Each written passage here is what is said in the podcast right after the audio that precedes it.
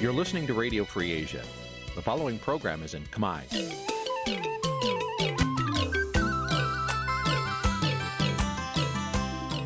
នេះជាកម្មវិធីផ្សាយ Vuthu Azizi Serai នេះជាកម្មវិធីផ្សាយរបស់ Vuthu Azizi Serai ជាភាសាខ្មែរ Vuthu Azizi Serai សូមស្វាគមន៍លោកអ្នកនាងទាំងអស់ពីរដ្ឋធានី Washington នៃសហរដ្ឋអាមេរិក។ ចាប់ពីរដ្ឋធានី Washington នាងខ្ញុំម៉ៅសុធានីសូមជម្រាបសួរលោកអ្នកស្ដាប់ទាំងអស់ជាទីមេត្រីជាយើងខ្ញុំសូមជូនការផ្សាយសម្រាប់ព្រឹកថ្ងៃសៅរ៍4រោចខែផុតបុត្រឆ្នាំឆ្លូវត្រីស័កពុទ្ធសករាជ2565ហើយដល់ត្រូវនៅថ្ងៃទី25ខែកញ្ញាគ្រិស្តសករាជ2021ជាកិច្ចចាប់ផ្ដើមនេះនាងខ្ញុំសូមអញ្ជើញលោកអ្នកនាងកញ្ញាស្ដាប់ព័ត៌មានប្រចាំថ្ងៃដែលមានមេត្តាដូចតទៅ។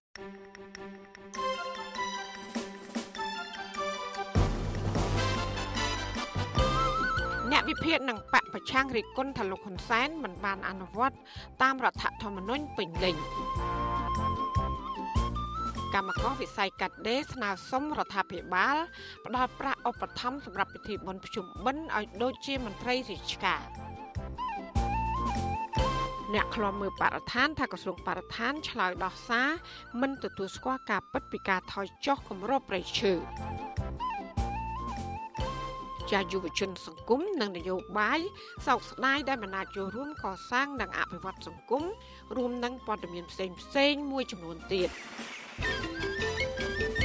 ចាត់ជាបន្តទៅទៀតនេះនាងខ្ញុំម៉ៃសុធានីសូមជូនព័ត៌មានទាំងនោះពឺស្ដាប់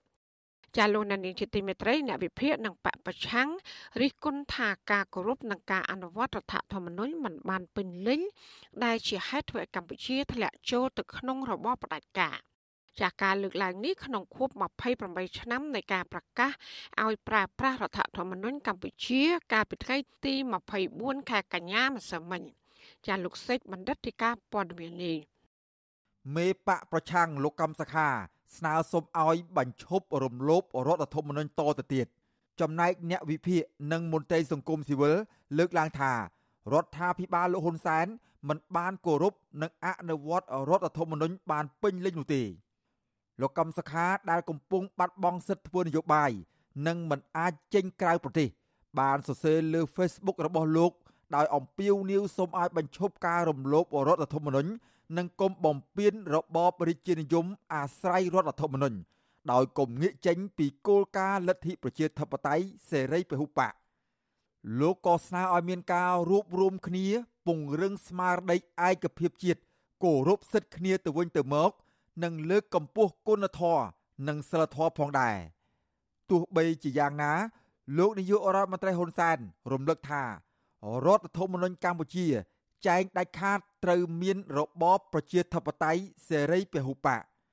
លោកហ៊ុនសែនសរសេរលើ Facebook ក្នុងថ្ងៃខួបទី28ឆ្នាំ នៃការប្រកាសឲ្យប្រើរដ្ឋធម្មនុញ្ញថារដ្ឋធម្មនុញ្ញគឺជាច្បាប់កម្ពុជារបស់កម្ពុជា ច្បាប់និងសេចក្តីសម្រេចទាំងឡាយនៃស្ថាប័ននានាត្រូវស្របទៅនឹងរដ្ឋធម្មនុញ្ញជាដាច់ខាតលោកហ៊ុនសែនថែមទាំងបង្ហោះចម្រៀងដែលមានចំណងជើងថារដ្ឋធម្មនុញ្ញ ជាច្បាប់កម្ពុជារបស់កម្ពុជា លើ Facebook របស់លោក Hi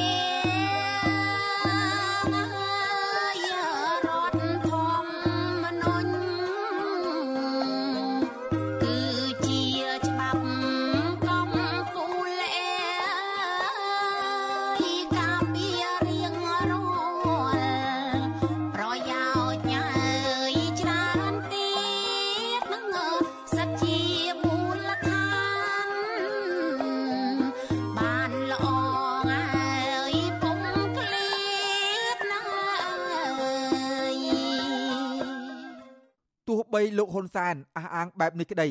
ក៏ប៉ុន្តែរដ្ឋាភិបាលលោកហ៊ុនសែន បានធ្វើច្បាប់មួយចំនួន ដែលមានចរិតនយោបាយអធម្មនុញ្ញភាពឬមិនស្របតាមស្មារតីនៃរដ្ឋធម្មនុញ្ញលោកបណ្ឌិតឡាវម៉ុងហៃរិះគន់ថា ប្រជាធិបតេយ្យនៅកម្ពុជាពេលនេះ មានត្រឹមតែសម្បកក្រៅប៉ុណ្ណោះរដ្ឋធម្មនុញ្ញដែលជាមូលដ្ឋានគ្រឹះចេញមកពីកិច្ចព្រមព្រៀងសន្តិភាពទីក្រុងប៉ារីសឆ្នាំ1991 ត្រូវបានបង្កើតឡើងកាលពីថ្ងៃទី24ខែកញ្ញា ឆ្នាំ1993ច្បាប់កម្ពុជានេះមានខ្លឹមសារសំខាន់សំខាន់គឺកំណត់ប្រព័ន្ធគ្រប់គ្រងរដ្ឋត្រូវតែជាប្រព័ន្ធប្រជាធិបតេយ្យសេរីពហុបកធានាការគោរពសិទ្ធិមនុស្សគ្រប់គ្រងរដ្ឋដោយនីតិរដ្ឋរាជានិយមអាស្រ័យរដ្ឋធម្មនុញ្ញនិងមានទីផ្សារសេរីជាដើមអ្នកវិភាគនយោបាយជើងចាស់លោកបណ្ឌិតឡៅម៉ុងហៃ រិះគន់ថា ការអនុវត្តរដ្ឋធម្មនុញ្ញមិនបានពេញលេញធ្វើឲ្យមានការរំលោភអំណាច និងធ្វើឲ្យអំណាចប្រមូលផ្ដុំលើបុគ្គលតែម្នាក់និងធ្វើឲ្យកម្ពុជា ចាក់ឆ្ងាយពីរបបប្រជាធិបតេយ្យសេរីពហុបកធ្លាក់ចូលទៅក្នុងរបបផ្ដាច់ការ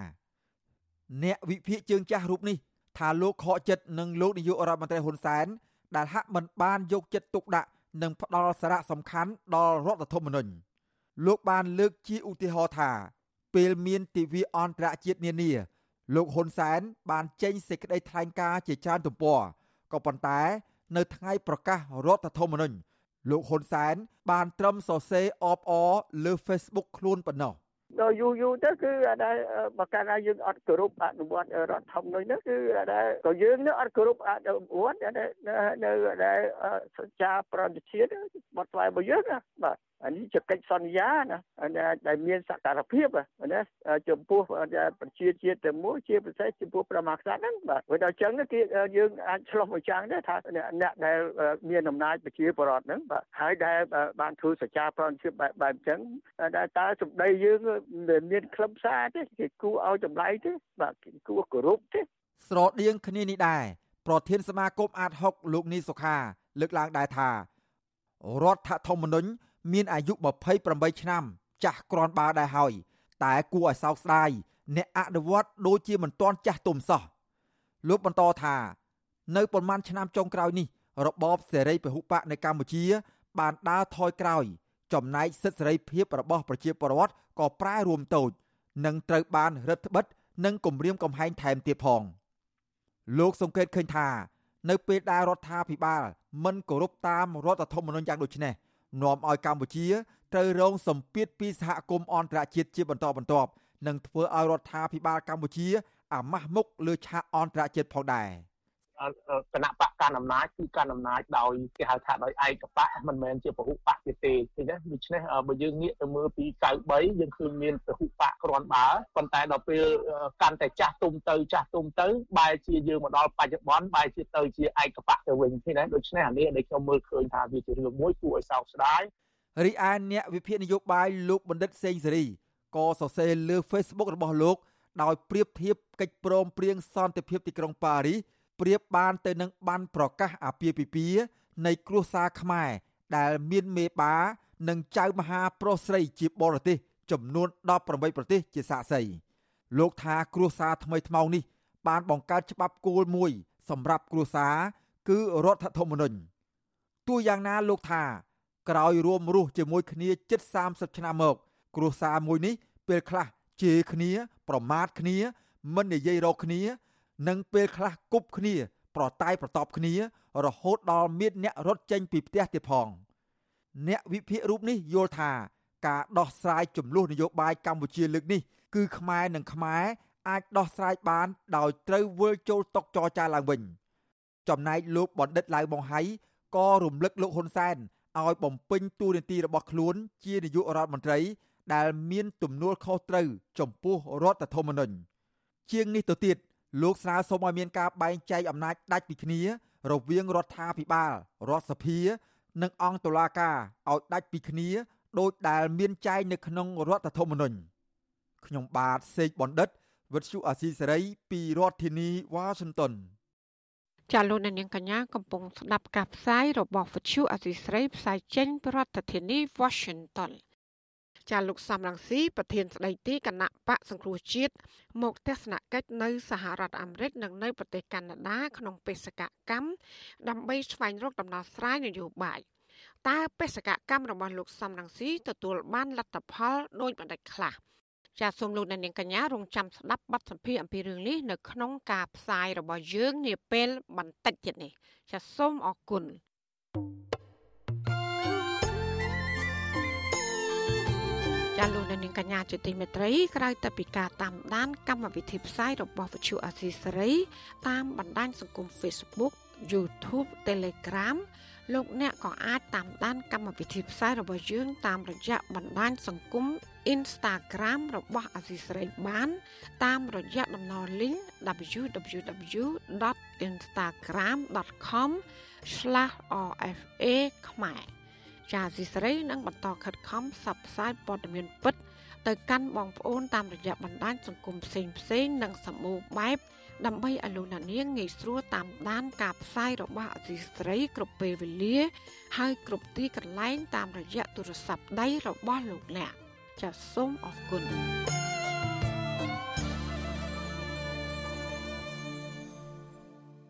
ចាលោកអ្នកស្ដាប់យុតិមេត្រីកម្មករវិស័យកាត់ដេរស្នើសុំរដ្ឋាភិបាល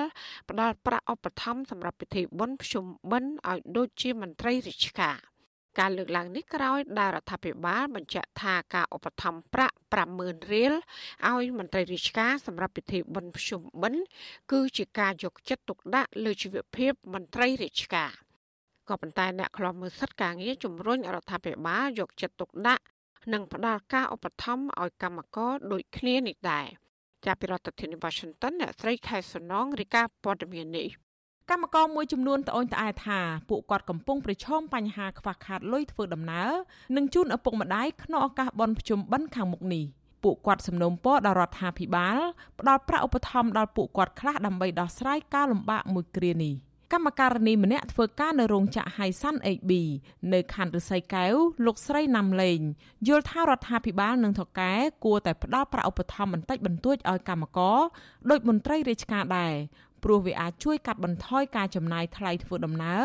និងការហូបចុកតាមផ្លូវបានខ្លះលោកស្រីបញ្ជាក់ថារយៈពេល2ឆ្នាំចុងក្រោយនេះស្ថានភាពការងាររោងចក្រមិនសូវល្អទេដោយសារតែវិបត្តិជំងឺ Covid-19 ដែលតម្រូវឲ្យកម្មករខ្លះ ត្រូវផ្អាកការងារមួយរយៈនិងការទទួលបានប្រាក់ឈ្នួលទាបតែទំនិញនិងសេវាកម្មផ្សេងផ្សេងឡើងថ្លៃលោកស្រីបន្តថាកម្មករភៀកច្រើនមិនសល់ប្រាក់សម្រាប់ចំណាយពេលបន់ទៀនទេ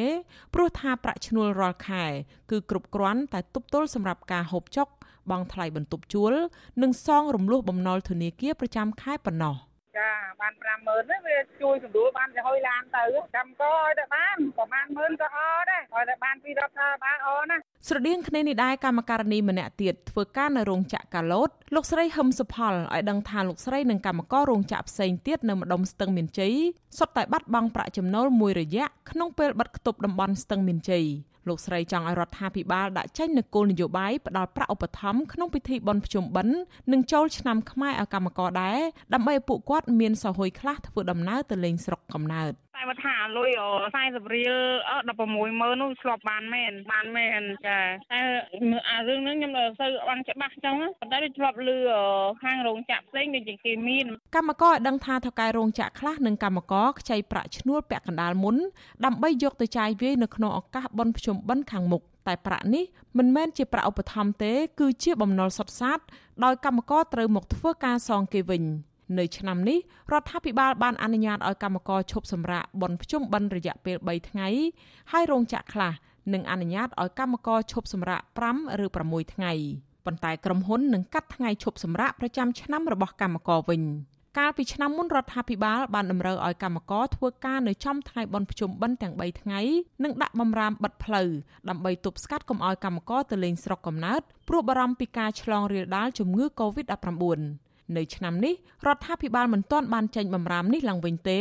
តែរដ្ឋាភិបាលបានដាក់បំរាមបិទវត្តទាំងអស់រួចហើយរដ្ឋាភិបាលបានសម្រេចផ្អាកប្រារព្ធពិធីកាន់បិណ្ឌនិងភ្ជុំបិណ្ឌចាប់ពីបិណ្ឌ4រហូតដល់ថ្ងៃភ្ជុំបិណ្ឌដើម្បីបង្ការការឆ្លងរាលដាលនៃជំងឺ Covid-19 ចាប់តាំងពីឆ្នាំ2016មករដ្ឋាភិបាលតែងតែផ្ដល់ប្រាក់ឧបត្ថម្ភចំនួន50,000រៀលឲ្យមន្ត្រីរាជការទាំងអស់សម្រាប់ពិធីបុណ្យជាតិធំៗ គឺចូលឆ្នាំខ្មែរនិងពិធីបុណ្យភ្ជុំបិណ្ឌក្នុងពិធីបុណ្យភ្ជុំបិណ្ឌខាងមុខនេះរដ្ឋាភិបាលក៏នឹងបន្តផ្ដល់ប្រាក់ឧបត្ថម្ភ50,000រៀលដដែលឲ្យទៅមន្ត្រីរាជការមន្ត្រីជាប់កិច្ចសន្យា និងមន្ត្រីចូលនិវត្តន៍សរុបទាំងអស់ប្រមាណ5សែននាក់ដែលនឹងត្រូវចំណាយថវិកាជាតិសរុបខ្ទង់8លានដុល្លារជុំវិញករណីនេះវត្តឈូអាស៊ីសេរីមិនអាចសុំការបញ្ជាក់បន្ថែមពីអ្នកនាំពាក្យក្រសួងការងារនិងបណ្ដុះបណ្ដាលវិជ្ជាជីវៈលោកហេងសួរអ្នកនាំពាក្យក្រសួងមុខងារសាធារណៈ លោកយុប៊ុនណានិងអ្នកនាំពាក្យរដ្ឋាភិបាលលោកផៃស៊ីផានបានទេនៅថ្ងៃទី24ខែកញ្ញាតែយ៉ាងណាលោកយុប៊ុនណាប្រាប់សារព័ត៌មានក្នុងស្រុកថាទោះបីជាស្ថានភាពជំងឺ Covid ធ្វើឲ្យរដ្ឋាភិបាលប្រឈមនឹងបញ្ហាជាច្រើនក៏ដោយក៏រដ្ឋាភិបាលនៅតែគិតគូរដល់ជីវភាពមន្ត្រីរាជការដែរតកតងទៅនឹងបញ្ហានេះប្រធានសហព័ន្ធសហជីពឯករាជ្យលោករីសិទ្ធិណែត ជំរុញឲ្យរដ្ឋាភិបាលផ្ដល់ប្រាក់ឧបត្ថម្ភឲ្យកម្មករដែរដើម្បីជួយសម្រាលបន្ទុករបស់ពួកគាត់និងអាចទទួលបានការគាំទ្រពីកម្មករជាដើម។ លោកជឿថារដ្ឋាភិបាលមានលទ្ធភាពនៅក្នុងការផ្ដល់ប្រាក់ឧបត្ថម្ភដល់កម្មករបើមានលើកឡើងវាការល្អដែរព្រោះវាបានអត្ថប្រយោជន៍ទៅខាងកម្មករដែរណាព្រោះមួយរយៈហ្នឹងវាគោវិដដែរអញ្ចឹងបើសិនជាគោលនយោបាយរដ្ឋាភិបាលមានវាល្អក្រៅពីកម្មករវិស័យកាត់ដេរកម្មករវិស័យដទៃទៀតដូចជាដឹកជញ្ជូននិងកាស៊ីណូជាដើមក៏លើកឡើងអំពីការលំបាកស្រដៀងគ្នានេះដែរកម្មករក្នុងវិស័យទាំងនេះអះអាងថា ពួកគាត់ធ្វើការបានប្រាក់ឈ្នួលទាបនិងខ្លះទៀតបានបាត់បង់ការងារធ្វើដូច្នេះពួកគាត់ស្នើសុំឲ្យរដ្ឋាភិបាលផ្ដល់ប្រាក់ឧបត្ថម្ភដល់ពួកគាត់ដែរដើម្បីដោះស្រាយការលំបាកនេះប្រធានសហជីពកម្មករកាស៊ីណូហាទៀងនៅខេត្តកំពតលោកសែមវុធីអះអាងថាកម្មករកាស៊ីណូបាត់បង់ការងារច្រើនខែហើយដោយមិនទាន់បានទទួលប្រាក់ឧបត្ថម្ភពីរដ្ឋនោះទេ លោកស្នើសុំឲ្យរដ្ឋាភិបាលគិតគូរដល់ជីវភាព និងបញ្ហារបស់ពួកលោកឲ្យដូចគិតគូរដល់មន្ត្រីរាជការនិងកម្មករវិស័យដទៃទៀតដែរកម្មករកាស៊ីណូនេះតាមដែលគេគិតថាគាត់ប្រាក់ខែច្រើនណាស់ប៉ុន្តែក្នុងវិស័យទេសចរគឺគ្មានប្រាក់គោលអបបរមាទេមិនដូចខាងសៅកាត់ដេរទេគឺមានអបបរមាតែឥឡូវដល់192ហើយនឹងឆ្នាំក្រោយនឹងគឺគម្រោង200ជាងទៀតតែប៉ុន្តែពួកខ្ញុំអ្នកណាចូលមក150នៅ150អញ្ចឹងទៅ3ខែក្រោយហ្នឹងនៅ180ហ្នឹង185ឆ្នាំក៏នៅតែ180ដែរហើយបើសិនជាបានហ្នឹងវាពិសេសពិសាលណាស់សូមអរគុណមែនទេចាប់តាំងពីក្រោយការបោះឆ្នោតដ៏ចម្រូងចម្រាសកាលពីឆ្នាំ2018មកលោកនាយករដ្ឋមន្ត្រីហ៊ុនសែនឡើងចោះជួបយកចិត្តកម្មករដោយនៅមុនការបោះឆ្នោតទៀតហើយ ជាងនេះទៅទៀតក្រសួងការងារបានសម្រេចកាត់បន្ថយអត្ថប្រយោជន៍កម្មករជាបន្តបន្ទាប់ក្នុងរយៈពេល3ឆ្នាំចុងក្រោយនេះដោយជាការលុបចោលថ្ងៃឈប់សម្រាកប្រចាំឆ្នាំចំនួន6ថ្ងៃចេញពីប្រតិទិនឈប់ប្រចាំឆ្នាំ ការលុបចោលថ្ងៃឈប់សងចំថ្ងៃអាទិត្យការកាត់បន្ថយប្រាក់ឈ្នួលកម្មករធ្វើការវេនយប់ឲ្យស្មើនឹងវេនថ្ងៃការអនុញ្ញាតឲ្យម្ចាស់រោងចក្រពន្យាពេលបើកប្រាក់បំណាច់អតីតភាពការងារអនុញ្ញាតឲ្យថកែមិនបាច់ទូទាត់ប្រាក់សំណងជំងឺចិត្ត និងប្រាក់ជួលដំណឹងជាមុននៅពេលបិទរោងចក្រព្រមទាំងការពន្យាពេលបើកប្រាក់ឈ្នួលឲ្យកម្មករក្រោមលេសជំងឺ Covid-19 ជាដើមចា៎នាងខ្ញុំខែសុណងវិទ្យុអាស៊ីសេរីរាយការណ៍ពីរដ្ឋធានី Washington ចាលោកណានីងជាទីមេត្រីតកតងនឹងរឿងជំងឺ Covid-19 វិញអ្នកឆ្លងជំងឺនេះមានចំនួន21អ្នកទៀតបានស្លាប់ហើយដែលនេះធ្វើឲ្យចំនួនអ្នកស្លាប់កើនឡើងដល់ជិត2200អ្នក ចាស់គិតត្រឹមព្រឹកថ្ងៃទី24ខែកញ្ញាកម្ពុជាមានអ្នកកើតជំងឺ Covid-19 សរុបជាង100,000នាក់ក្នុងនោះអ្នកដែលបានជាសះស្បើយមានជិត100,000នាក់ចាពាក់ព័ន្ធរឿងវ៉ាក់សាំងបង្ការជំងឺ Covid-19 វិញ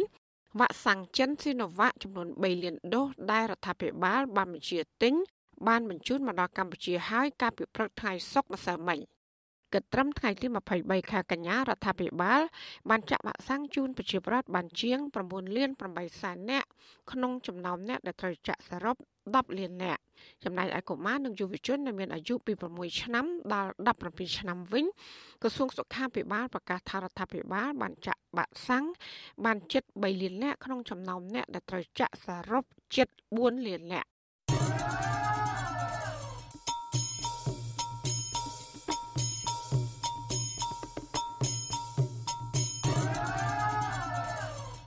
ចាលោកនាងកញ្ញាកំពុងស្ដាប់ការផ្សាយរបស់វិទ្យុអសីស្រីផ្សាយចេញពីរដ្ឋធានី Washington ជាយុវជនមួយចំនួនដែលជាសកម្មជន សង្គមនិងបកប្រឆាំងសោកស្ដាយដែលពួកគេមិនអាចចូលរួមកសាងអភិវឌ្ឍសង្គមនិងការពារបរិស្ថានតើមូលហេតុអ្វីបានជាអាញាធរនៃរបបលោកហ៊ុនសែនបង្ក្រាបសម្លេងអ្នកប្រជាធិបតេយ្យហើយនិងមន្ត្រីសង្គមស៊ីវិល ចាសសេចក្តីរាយការណ៍ពីស្ដាមពីរឿងនេះលោកដានៀងក៏នឹងបានស្ដាប់នាពេលបន្តិចទៀតនេះចាសសូមអរគុណ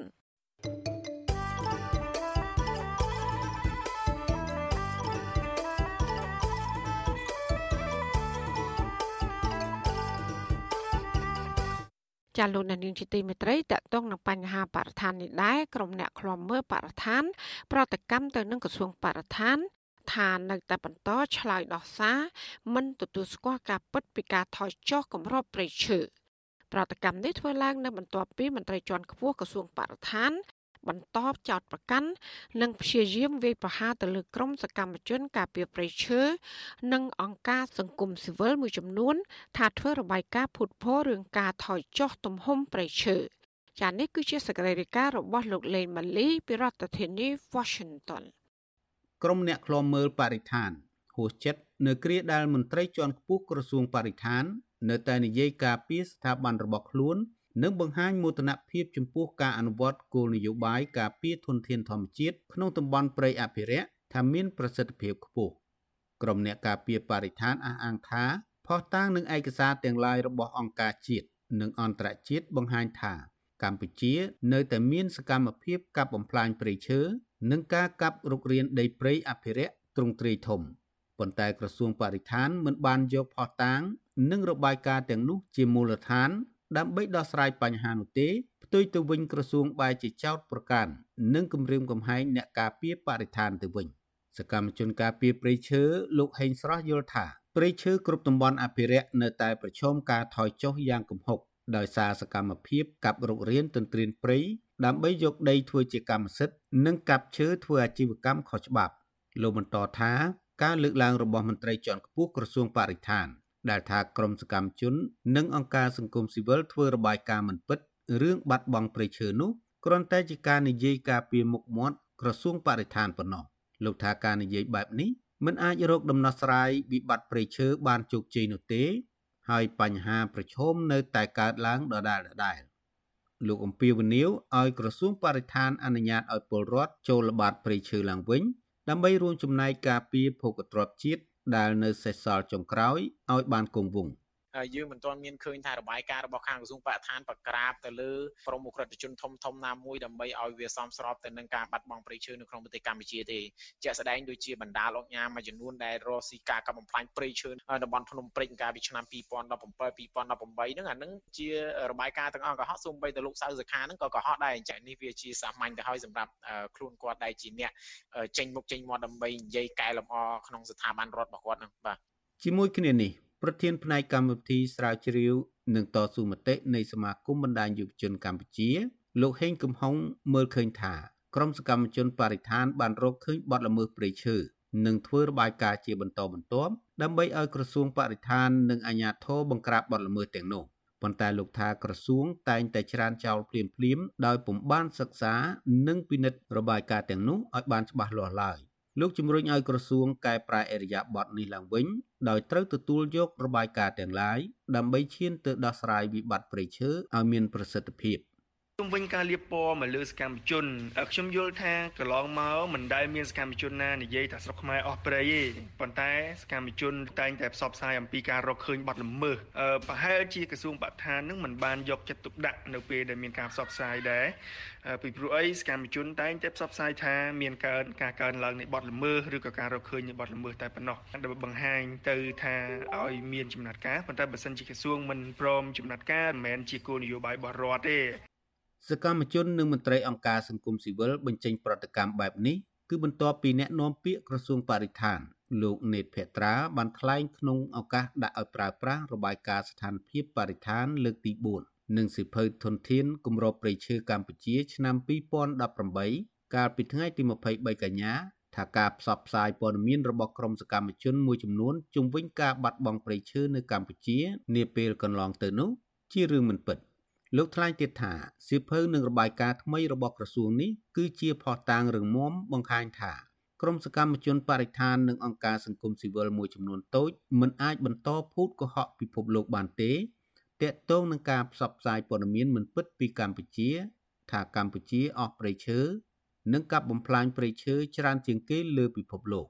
លោកនេតភេត្រាបញ្ជាក់ថាក្រសួងបរិស្ថានបានរៀបចំបង្កើតតំបន់ការពារធម្មជាតិ មានផ្ទៃដីសរុបជាង7លានហិកតា ហើយបានបែងចែកតំបន់គ្រប់គ្រង ការបោះបង្គោលព្រំបណ្ដុះបណ្ដាលមន្ត្រីជំនាញបំពាក់ឧបករណ៍និងសម្ភារៈចាំបាច់ពង្រឹងការងារល្បាត ជាពិសេសការបង្ក្រាបបទល្មើសព្រៃឈើ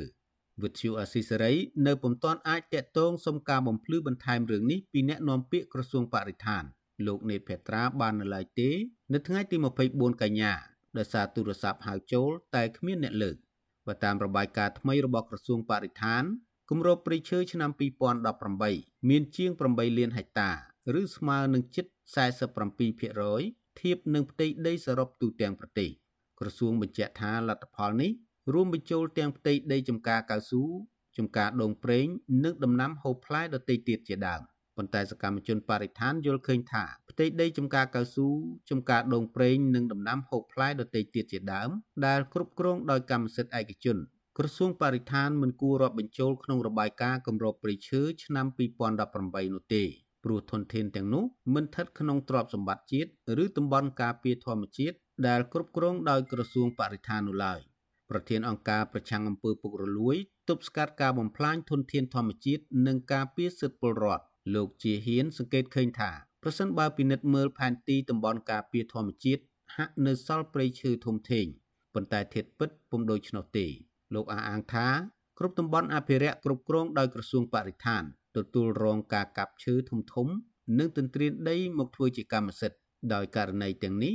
ភ ieck ច្រើនប្រព្រឹត្តឡើងដោយបុគ្គលមានលុយមានអំណាច និងយកពលរដ្ឋជាខែល លោកថាជាក់ស្ដែងគ្រាន់តែដែនជំរកសត្វព្រៃភ្នំអរ៉ាល់មានផ្ទៃដីជាង200,000ហិកតាបច្ចុប្បន្នបានក្លាយជាដីចម្ការគ្រប់គ្រងជាកម្មសិទ្ធិឯកជនអស់ប្រមាណ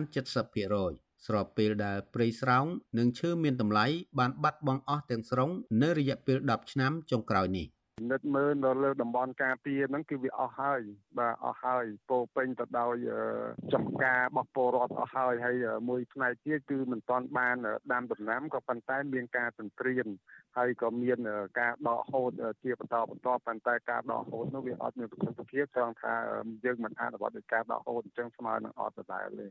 របាយការណ៍ក្រសួងបរិស្ថានបង្ហាញថាគិតចាប់ពីឆ្នាំ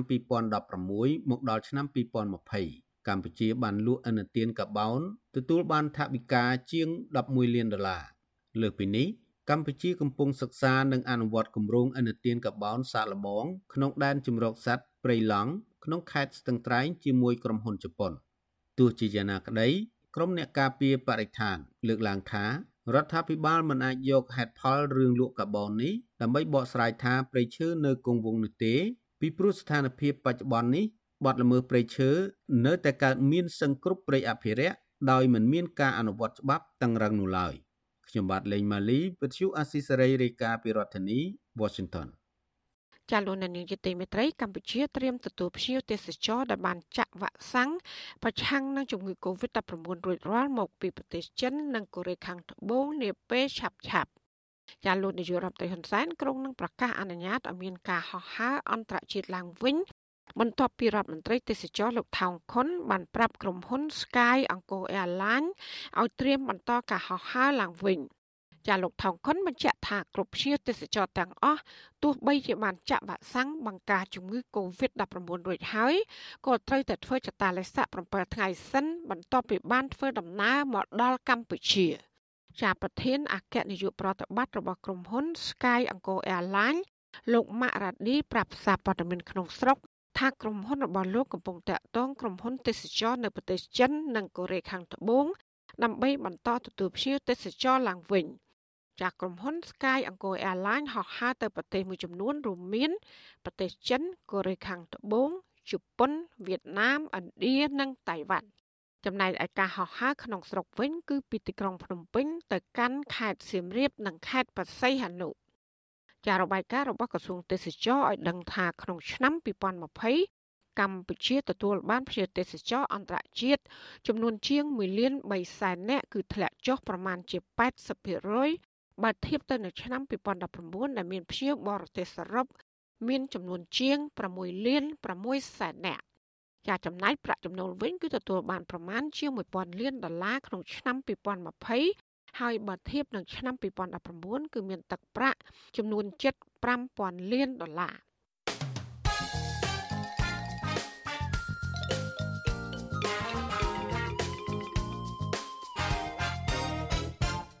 ចាលោកនាងជាទីមេត្រីក្រុមអ្នកវិទ្យាសាស្ត្រផ្នែកស្រាវជ្រាវសត្វព្រៃនៃក្រសួងបរិស្ថាន និងអង្គការ WWF បានប្រទះឃើញវងកូនសត្វក្រពើភ្នំ ដែលជាប្រភេទសត្វកម្រនិងកំពុងរងគ្រោះដល់ជិតផុតពូជសរុបមានចំនួន8ក្បាលនៅក្នុងដែនជម្រកធម្មជាតិនៅតំបន់ត្រែពកក្នុងអំឡុងពេលរដូវពងហើយនឹងញាស់កូនរបស់វា ចានេះគឺជាការប្រទះឃើញលើកដំបូងបង្អស់ក្នុងរយៈពេលជាង1ទសវត្សរ៍ចុងក្រោយនេះនៅវងកុនសត្វក្រពើភ្នំដ៏កម្របំផុត ដែលនឹងផ្ដល់ក្តីសង្ឃឹមដល់ការអភិរក្សជាសកលនៃដែនជម្រកសត្វព្រៃស្រែពកក្នុងខេត្តមណ្ឌលគិរីបច្ចុប្បន្នវងកូនសត្វក្រពើភ្នំទាំងនេះកំពុងរស់នៅដោយសុវត្ថិភាពនៅក្នុងទីជម្រកធម្មជាតិក្រោមកិច្ចការពារយ៉ាងតឹងរឹងដោយមន្ត្រីឧទ្យានុរក្ស សត្វក្រពើភ្នំធ្លាប់មាននៅពាសពេញនៅតំបន់អាស៊ីអាគ្នេយ៍ក៏ប៉ុន្តែចាប់តាំងពីដើមទសវត្សរ៍ឆ្នាំ1990មកសត្វប្រភេទនេះបានចាប់ផ្ដើមបាត់បង់បណ្ដាបណ្ដាពីដែនជម្រកធម្មជាតិរបស់ពួកវា កម្ពុជាគឺជាទីជម្រកសំខាន់ជាសកលមួយ សម្រាប់ការរស់រាននៃសត្វក្រពើភ្នំ ចាបើតាមការប៉ាន់ប្រមាណរបស់អ្នកស្រាវជ្រាវ គឺមានក្រពើភ្នំចំនួនសរុបចន្លោះពី200ទៅ400ក្បាល ដែលកំពុងរស់នៅ ក្នុងទីជម្រកធម្មជាតិនានាក្នុងប្រទេសនេះខណៈដែលនៅលើពិភពលោកមានសត្វក្រពើភ្នំ ដែលស្ថិតក្នុងវ័យអាចបន្តពូជបាន មានប្រមាណមិនលើសពី1000ក្បាលឡើយ។ ចាកត្តាគម្រាមកំហែងចំពោះការរស់រានរបស់សត្វក្រពើភ្នំនេះរួមមាន ការរិចរិលនិងការបាត់បង់ទីជម្រកការបបាញ់ខុសច្បាប់ ការចាប់ដោយខុសច្បាប់ ដើម្បីផ្គត់ផ្គង់កសិដ្ឋានចិញ្ចឹមក្រពើ ការចាប់យកទៅបង្កាត់ពូជជាមួយក្រពើផ្សេង ជាមួយក្រពើផ្សេង បញ្ហាទំនប់វារីអគ្គិសនី និងការនេសាទដោយប្រើឧបករណ៍ខុសច្បាប់ជាដើម។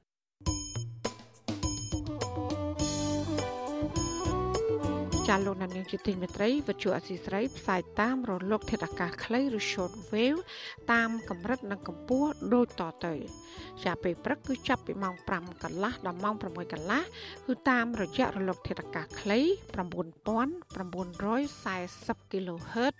ស្មើនឹងកម្ពស់ 30ម៉ែត្រចាសម្រាប់ពេលយប់វិញចាប់ពីម៉ោង7កន្លះដល់ម៉ោង8កន្លះគឺតាមរយៈរលកធាតុអាកាសខ្លី 9960 kHz ស្មើនឹងកម្ពស់ 30ម៉ែត្រហើយនឹង11240 kHz ស្មើនឹងកម្ពស់ 25ម៉ែត្រចាសសូមអរគុណ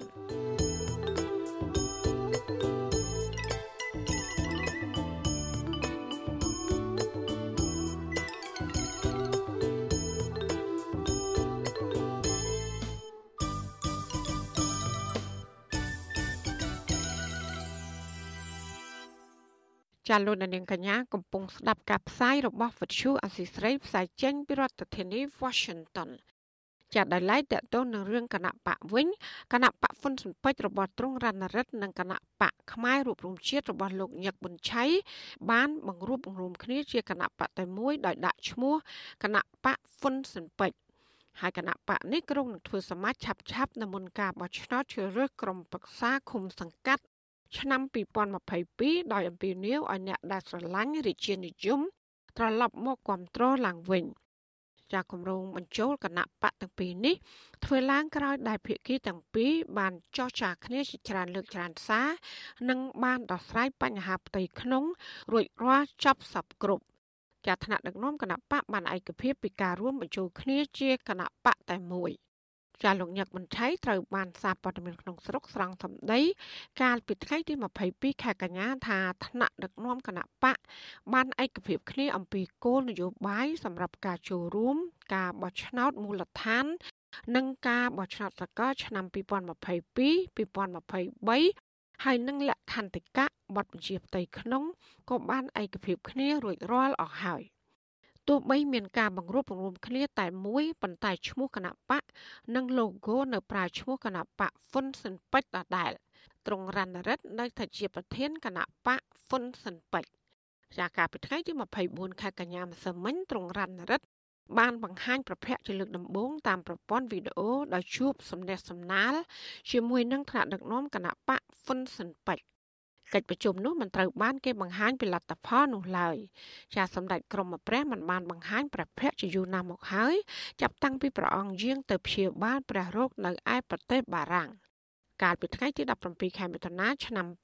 2018សម្ដេចក្រមព្រះនរោត្តមរណរដ្ឋបានជួបគ្រោះថ្នាក់ចរាចរណ៍នៅស្រុកព្រៃនប់ខេត្តបរសៃហនុ ចាគ្រោះថ្នាក់ចរាចរណ៍នៅពេលនោះបានបណ្ដាលឲ្យទ្រង់រណរិទ្ធរងរបួសធ្ងន់ហើយអ្នកមនាងអុកផល្លាបានទទួលមរណភាព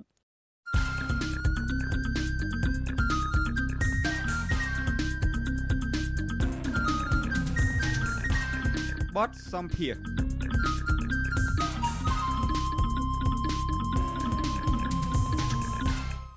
ចាលោកនានីជាទីមេត្រីលោកសំរងស៊ីប្រធានស្ដីទីគណៈបកសង្គ្រោះជាតិ បានបង្ហាញលទ្ធផលបឋមនៃដំណើរទស្សនកិច្ចរបស់លោកមកសហរដ្ឋអាមេរិក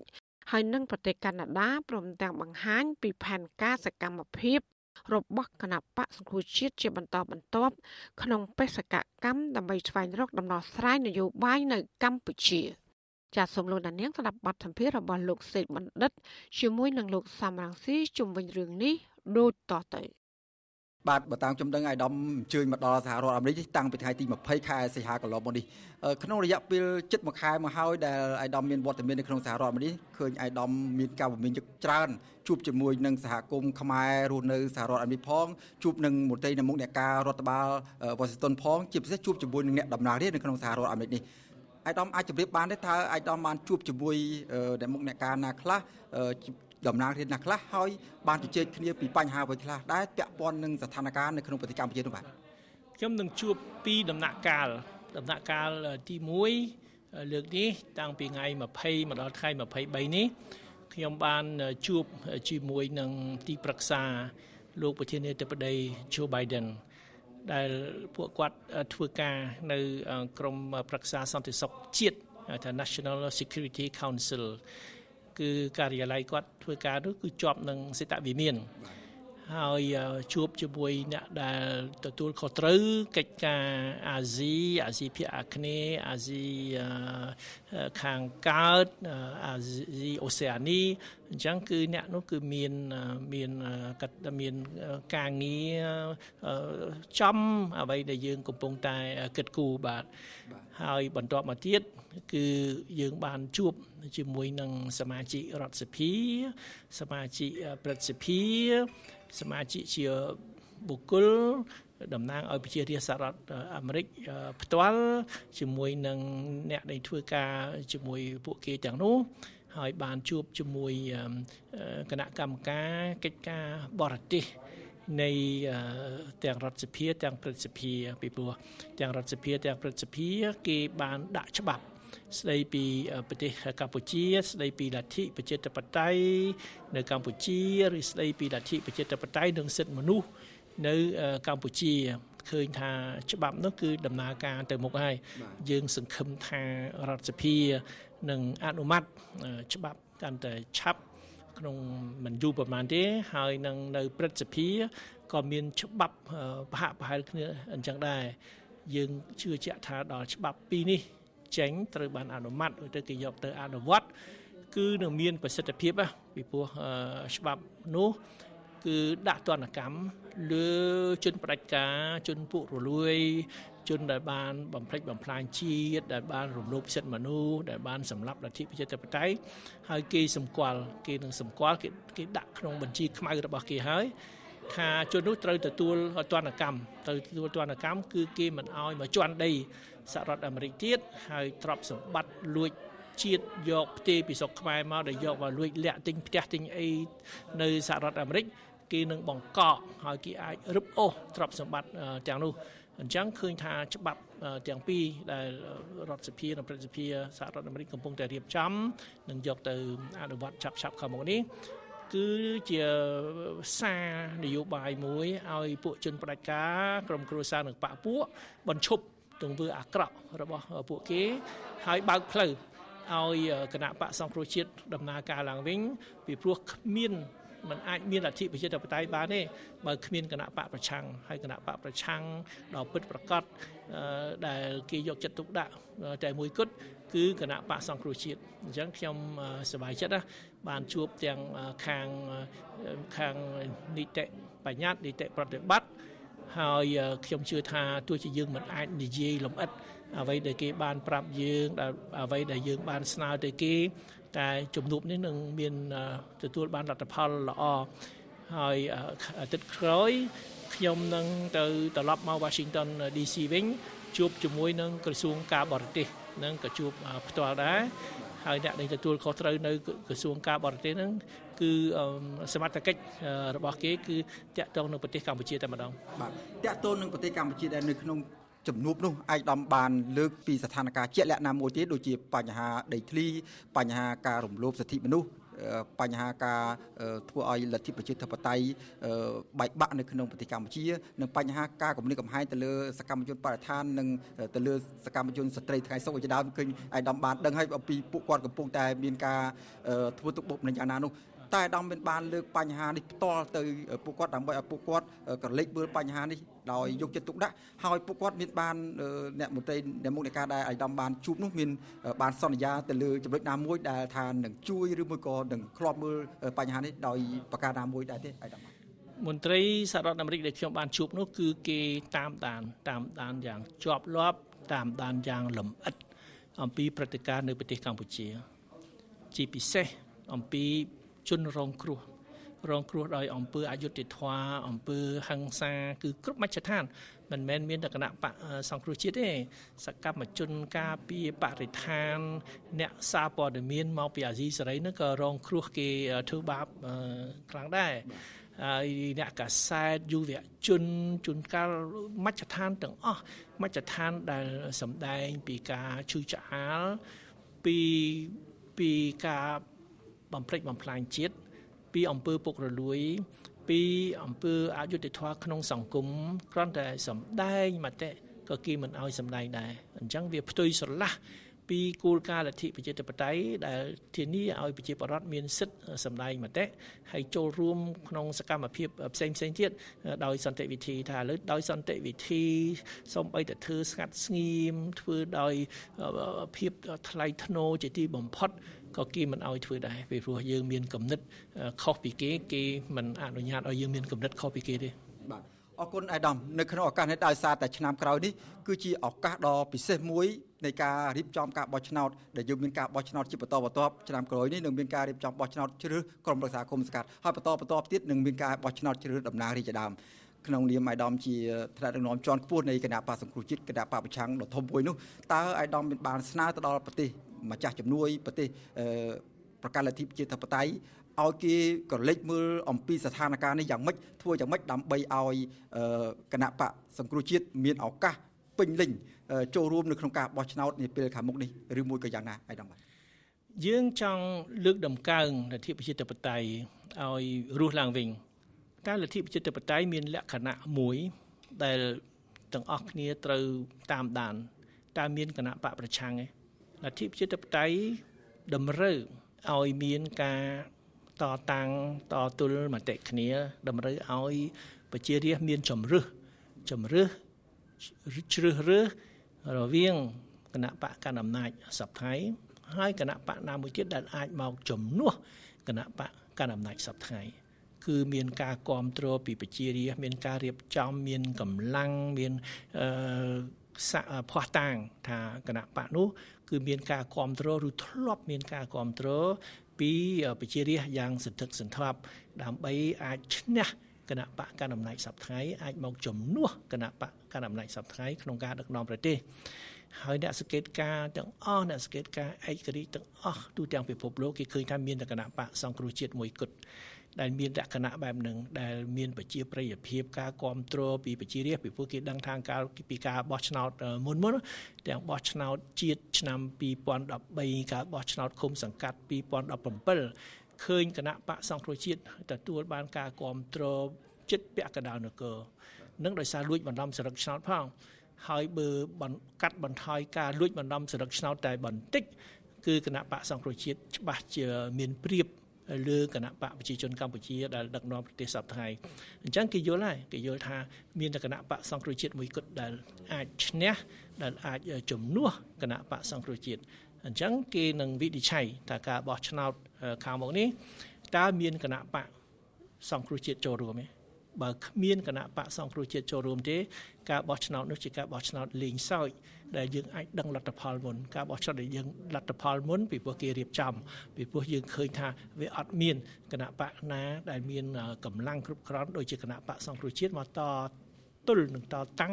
ជាមួយគណៈបកប្រជាជនកម្ពុជាអញ្ចឹងលក្ខណៈសម្គាល់ថាការបោះឆ្នោតខាងមុខនេះត្រឹមត្រូវទទួលយកបានឬក៏យ៉ាងណា គឺមើលតើមានវត្តមានគណៈបកសង្គ្រោះជាតិចូលរួមឬយ៉ាងដូចម្ដេចអរគុណអាយដាមអញ្ចឹងជាចុងក្រោយនេះអាយដាមមានសារអ្វី ផ្ញើជូនដល់អ្នកគាំទ្រគណៈបកសង្គ្រោះជាតិនិងប្រជាពលរដ្ឋទូទៅជាពិសេសប្រជាពលរដ្ឋដែលរស់នៅក្នុងប្រទេសកម្ពុជានិងប្រជាពលរដ្ឋខ្មែរអាមេរិកដែលកំពុងរស់នៅក្នុងសហរដ្ឋអាមេរិកនេះដែលពួកគាត់កំពុងតែទន្ទឹងរង់ចាំមើលពន្លឺសន្តិភាពពិតប្រាកដទន្ទឹងរង់ចាំមើលនៃការរស់ឡើងវិញនៃការគោរពសិទ្ធិមនុស្សរស់ឡើងវិញនៃលទ្ធិប្រជាធិបតេយ្យនៅក្នុងប្រទេសកម្ពុជានោះអាយដាមមានសារអ្វីជូនពួកគាត់ស្ថានភាពក្នុងតំបន់អាស៊ីភាគអាគ្នេយ៍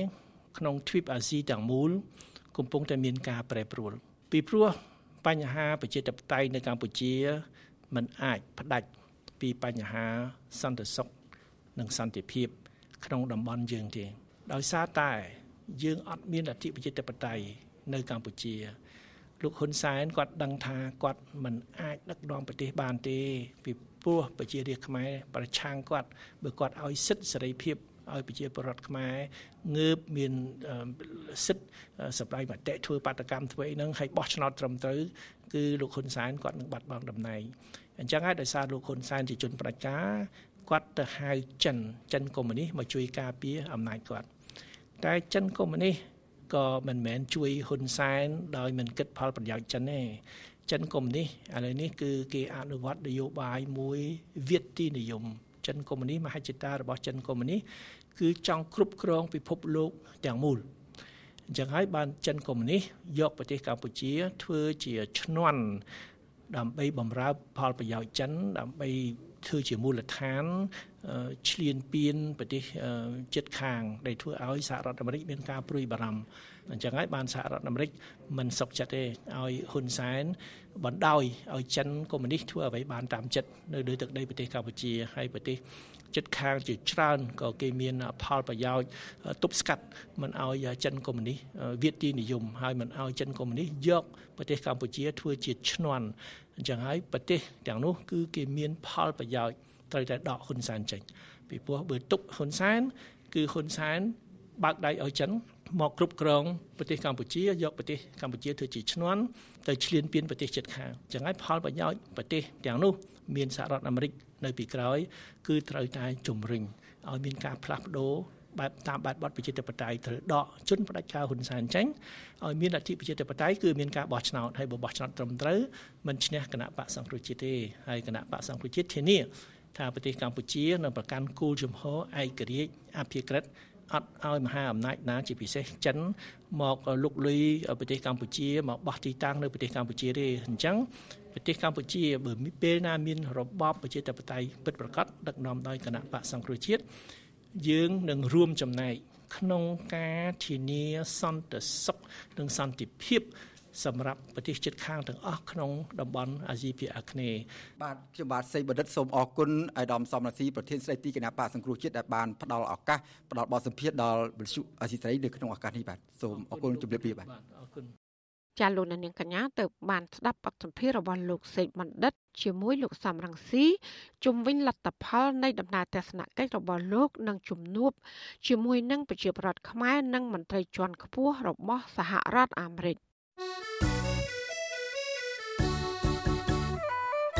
ចាលោកនាងជាទីមេត្រីក្នុងឱកាសនេះដែរនាងខ្ញុំសូមថ្លែងអំណរគុណដល់លោកនាងកញ្ញាដែលតែងតែមានភក្ដីភាពចំពោះការផ្សាយរបស់យើង ហើយចាត់ទុកការស្ដាប់វិទ្យុអសីស្រីជាផ្នែកមួយនៃសកម្មភាពប្រចាំថ្ងៃរបស់លោកអ្នក ចាការគ្រប់គ្រងរបស់លោកនាងនេះហើយដែលធ្វើយើងខ្ញុំមានទឹកចិត្តកាន់តែខ្លាំងបន្ថែមទៀតក្នុងការស្វែងរកនិងផ្តល់ព័ត៌មាន សម្រាប់ជូនលោកនាងចាំមានអ្នកស្ដាប់និងអ្នកទស្សនាកាន់តែច្រើនកាន់តែធ្វើឲ្យយើងខ្ញុំមានភាពស្វាហាប់មោះមុតជាបន្តទៀតចាយើងខ្ញុំសូមអរគុណទុកជាមុនហើយក៏សូមអញ្ជើញលោកដានៀងកញ្ញាចូលរួមជំរុញសកម្មភាពផ្តល់ព័ត៌មានរបស់យើងនេះឲ្យកាន់តែបានជោគជ័យបន្ថែមទៀត ចាលោកដានៀងអាចជួយយើងខ្ញុំបានដោយគ្រាន់តែចុចចែករំលែកឬ share ការផ្សាយរបស់យើងខ្ញុំនៅលើបណ្ដាញសង្គម Facebook និង YouTube ទៅកាន់មិត្តភ័ក្តិរបស់លោកនាងដើម្បីឲ្យការផ្សាយរបស់យើង បានទៅដល់មនុស្សកាន់តែច្រើនចាសសូមអរគុណចាលោកអ្នកស្ដាប់ទីមេត្រីយុវជនសង្គមនិងយុវជនបកប្រឆាំងមួយចំនួនសោកស្ដាយដែលពួកគេមិនអាចចូលរួមកសាងនិងអភិវឌ្ឍសង្គម ដោយសារតែរបបលោកហ៊ុនសែនកំពុងបង្ក្រាបសម្លេងអ្នកប្រជាធិបតេយ្យហើយនិងមន្ត្រីសង្គមស៊ីវិល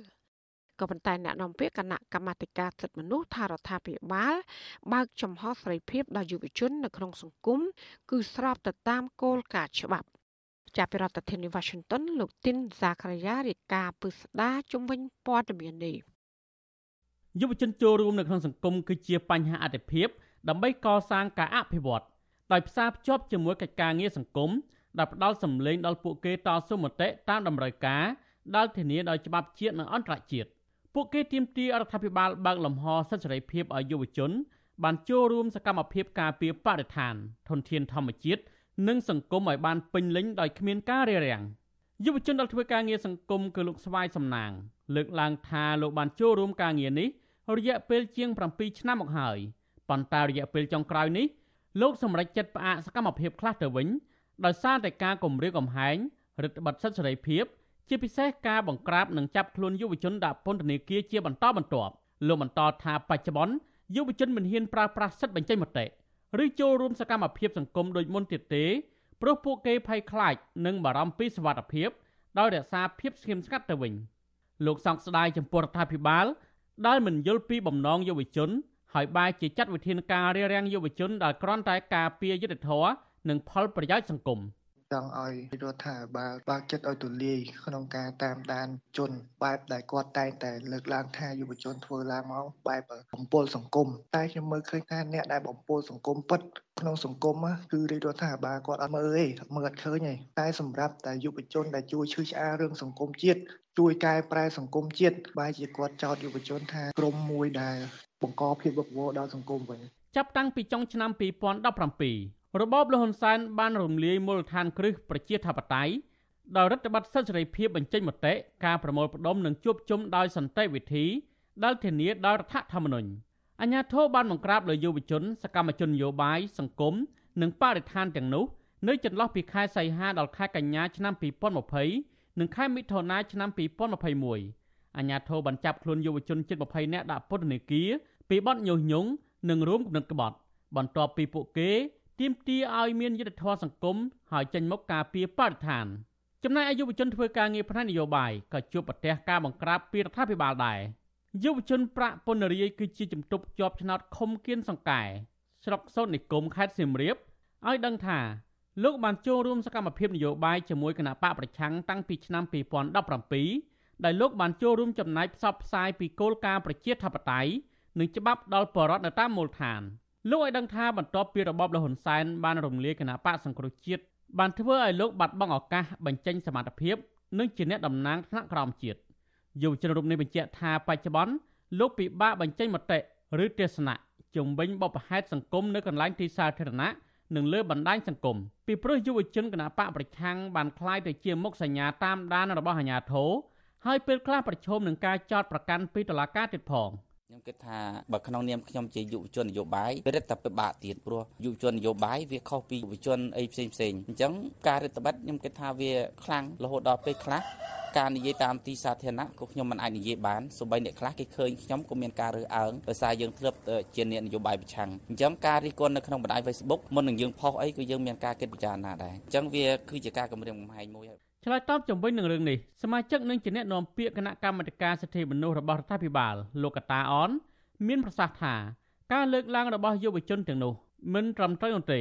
ព្រោះច្បាប់និងគោលការណ៍របស់រដ្ឋាភិបាលមិនបានរារាំងសកម្មភាពយុវជនចូលរួមក្នុងកិច្ចការងារសង្គមនោះឡើយ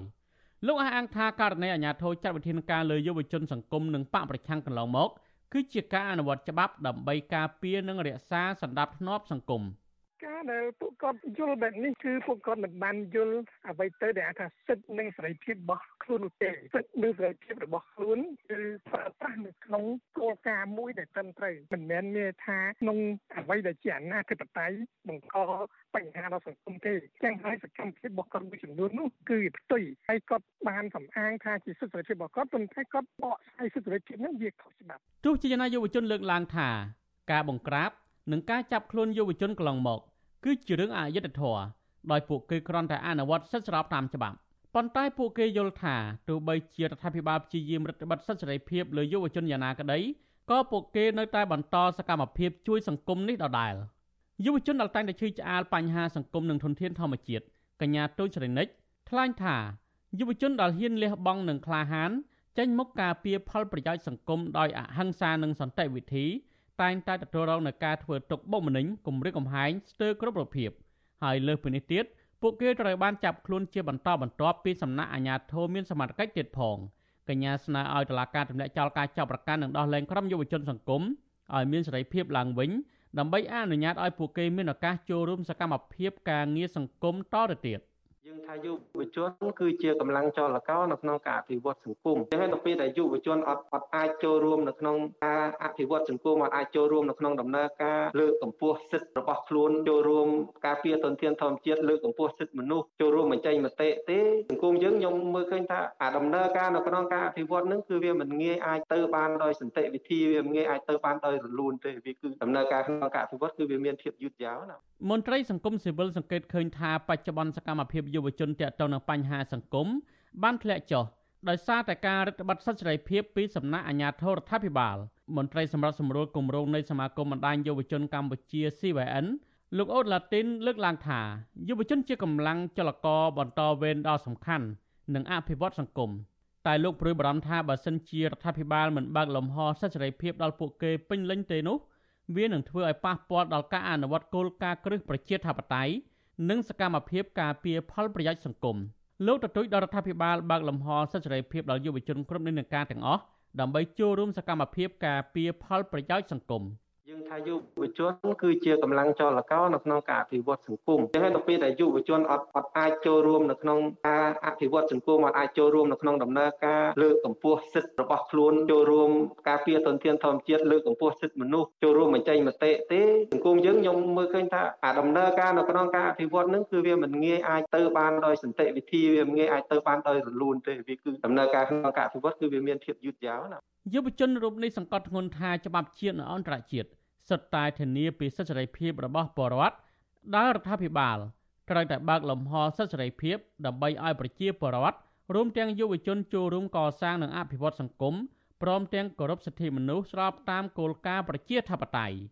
ខ្ញុំធីនសាការីយ៉ាអសិលសេរីប្រធានីវ៉ាស៊ីនតោន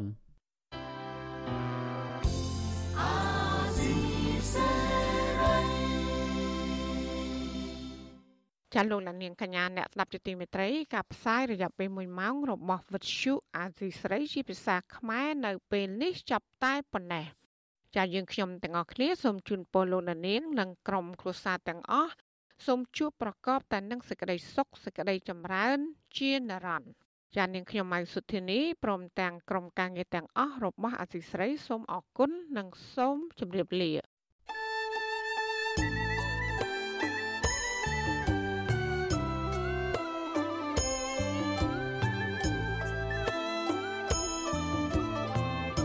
វិទ្យុអាស៊ីសេរីផ្សាយតាមរលក ធាតុអាកាសខ្លីឬ short wave តាមកម្រិតនិងកម្ពស់ដូចតទៅនេះពេលព្រឹកចាប់ពីម៉ោង5កន្លះដល់ម៉ោង6កន្លះតាមរយៈរលក ធាតុអាកាសខ្លី13715 kHz ស្មើនឹងកម្ពស់ 22m ពេលយប់ចាប់ពីម៉ោង7កន្លះដល់ម៉ោង8កន្លះតាមរយៈរលក ធាតុអាកាសខ្លី9960 kHz ស្មើនឹងកម្ពស់ 30m និង11240 kHz ស្មើនឹងកម្ពស់ 25m លោកអ្នកនាងក៏អាចស្ដាប់ការផ្សាយផ្ទាល់តាមប្រព័ន្ធអ៊ីនធឺណិតដោយចូលទៅកាន់គេហទំព័រ www.rfa.org/ ខ្មែរក្រៅពីនេះលោកអ្នកនាងក៏អាចអាននិងទស្សនាព័ត៌មានវិទ្យុអាស៊ីសេរី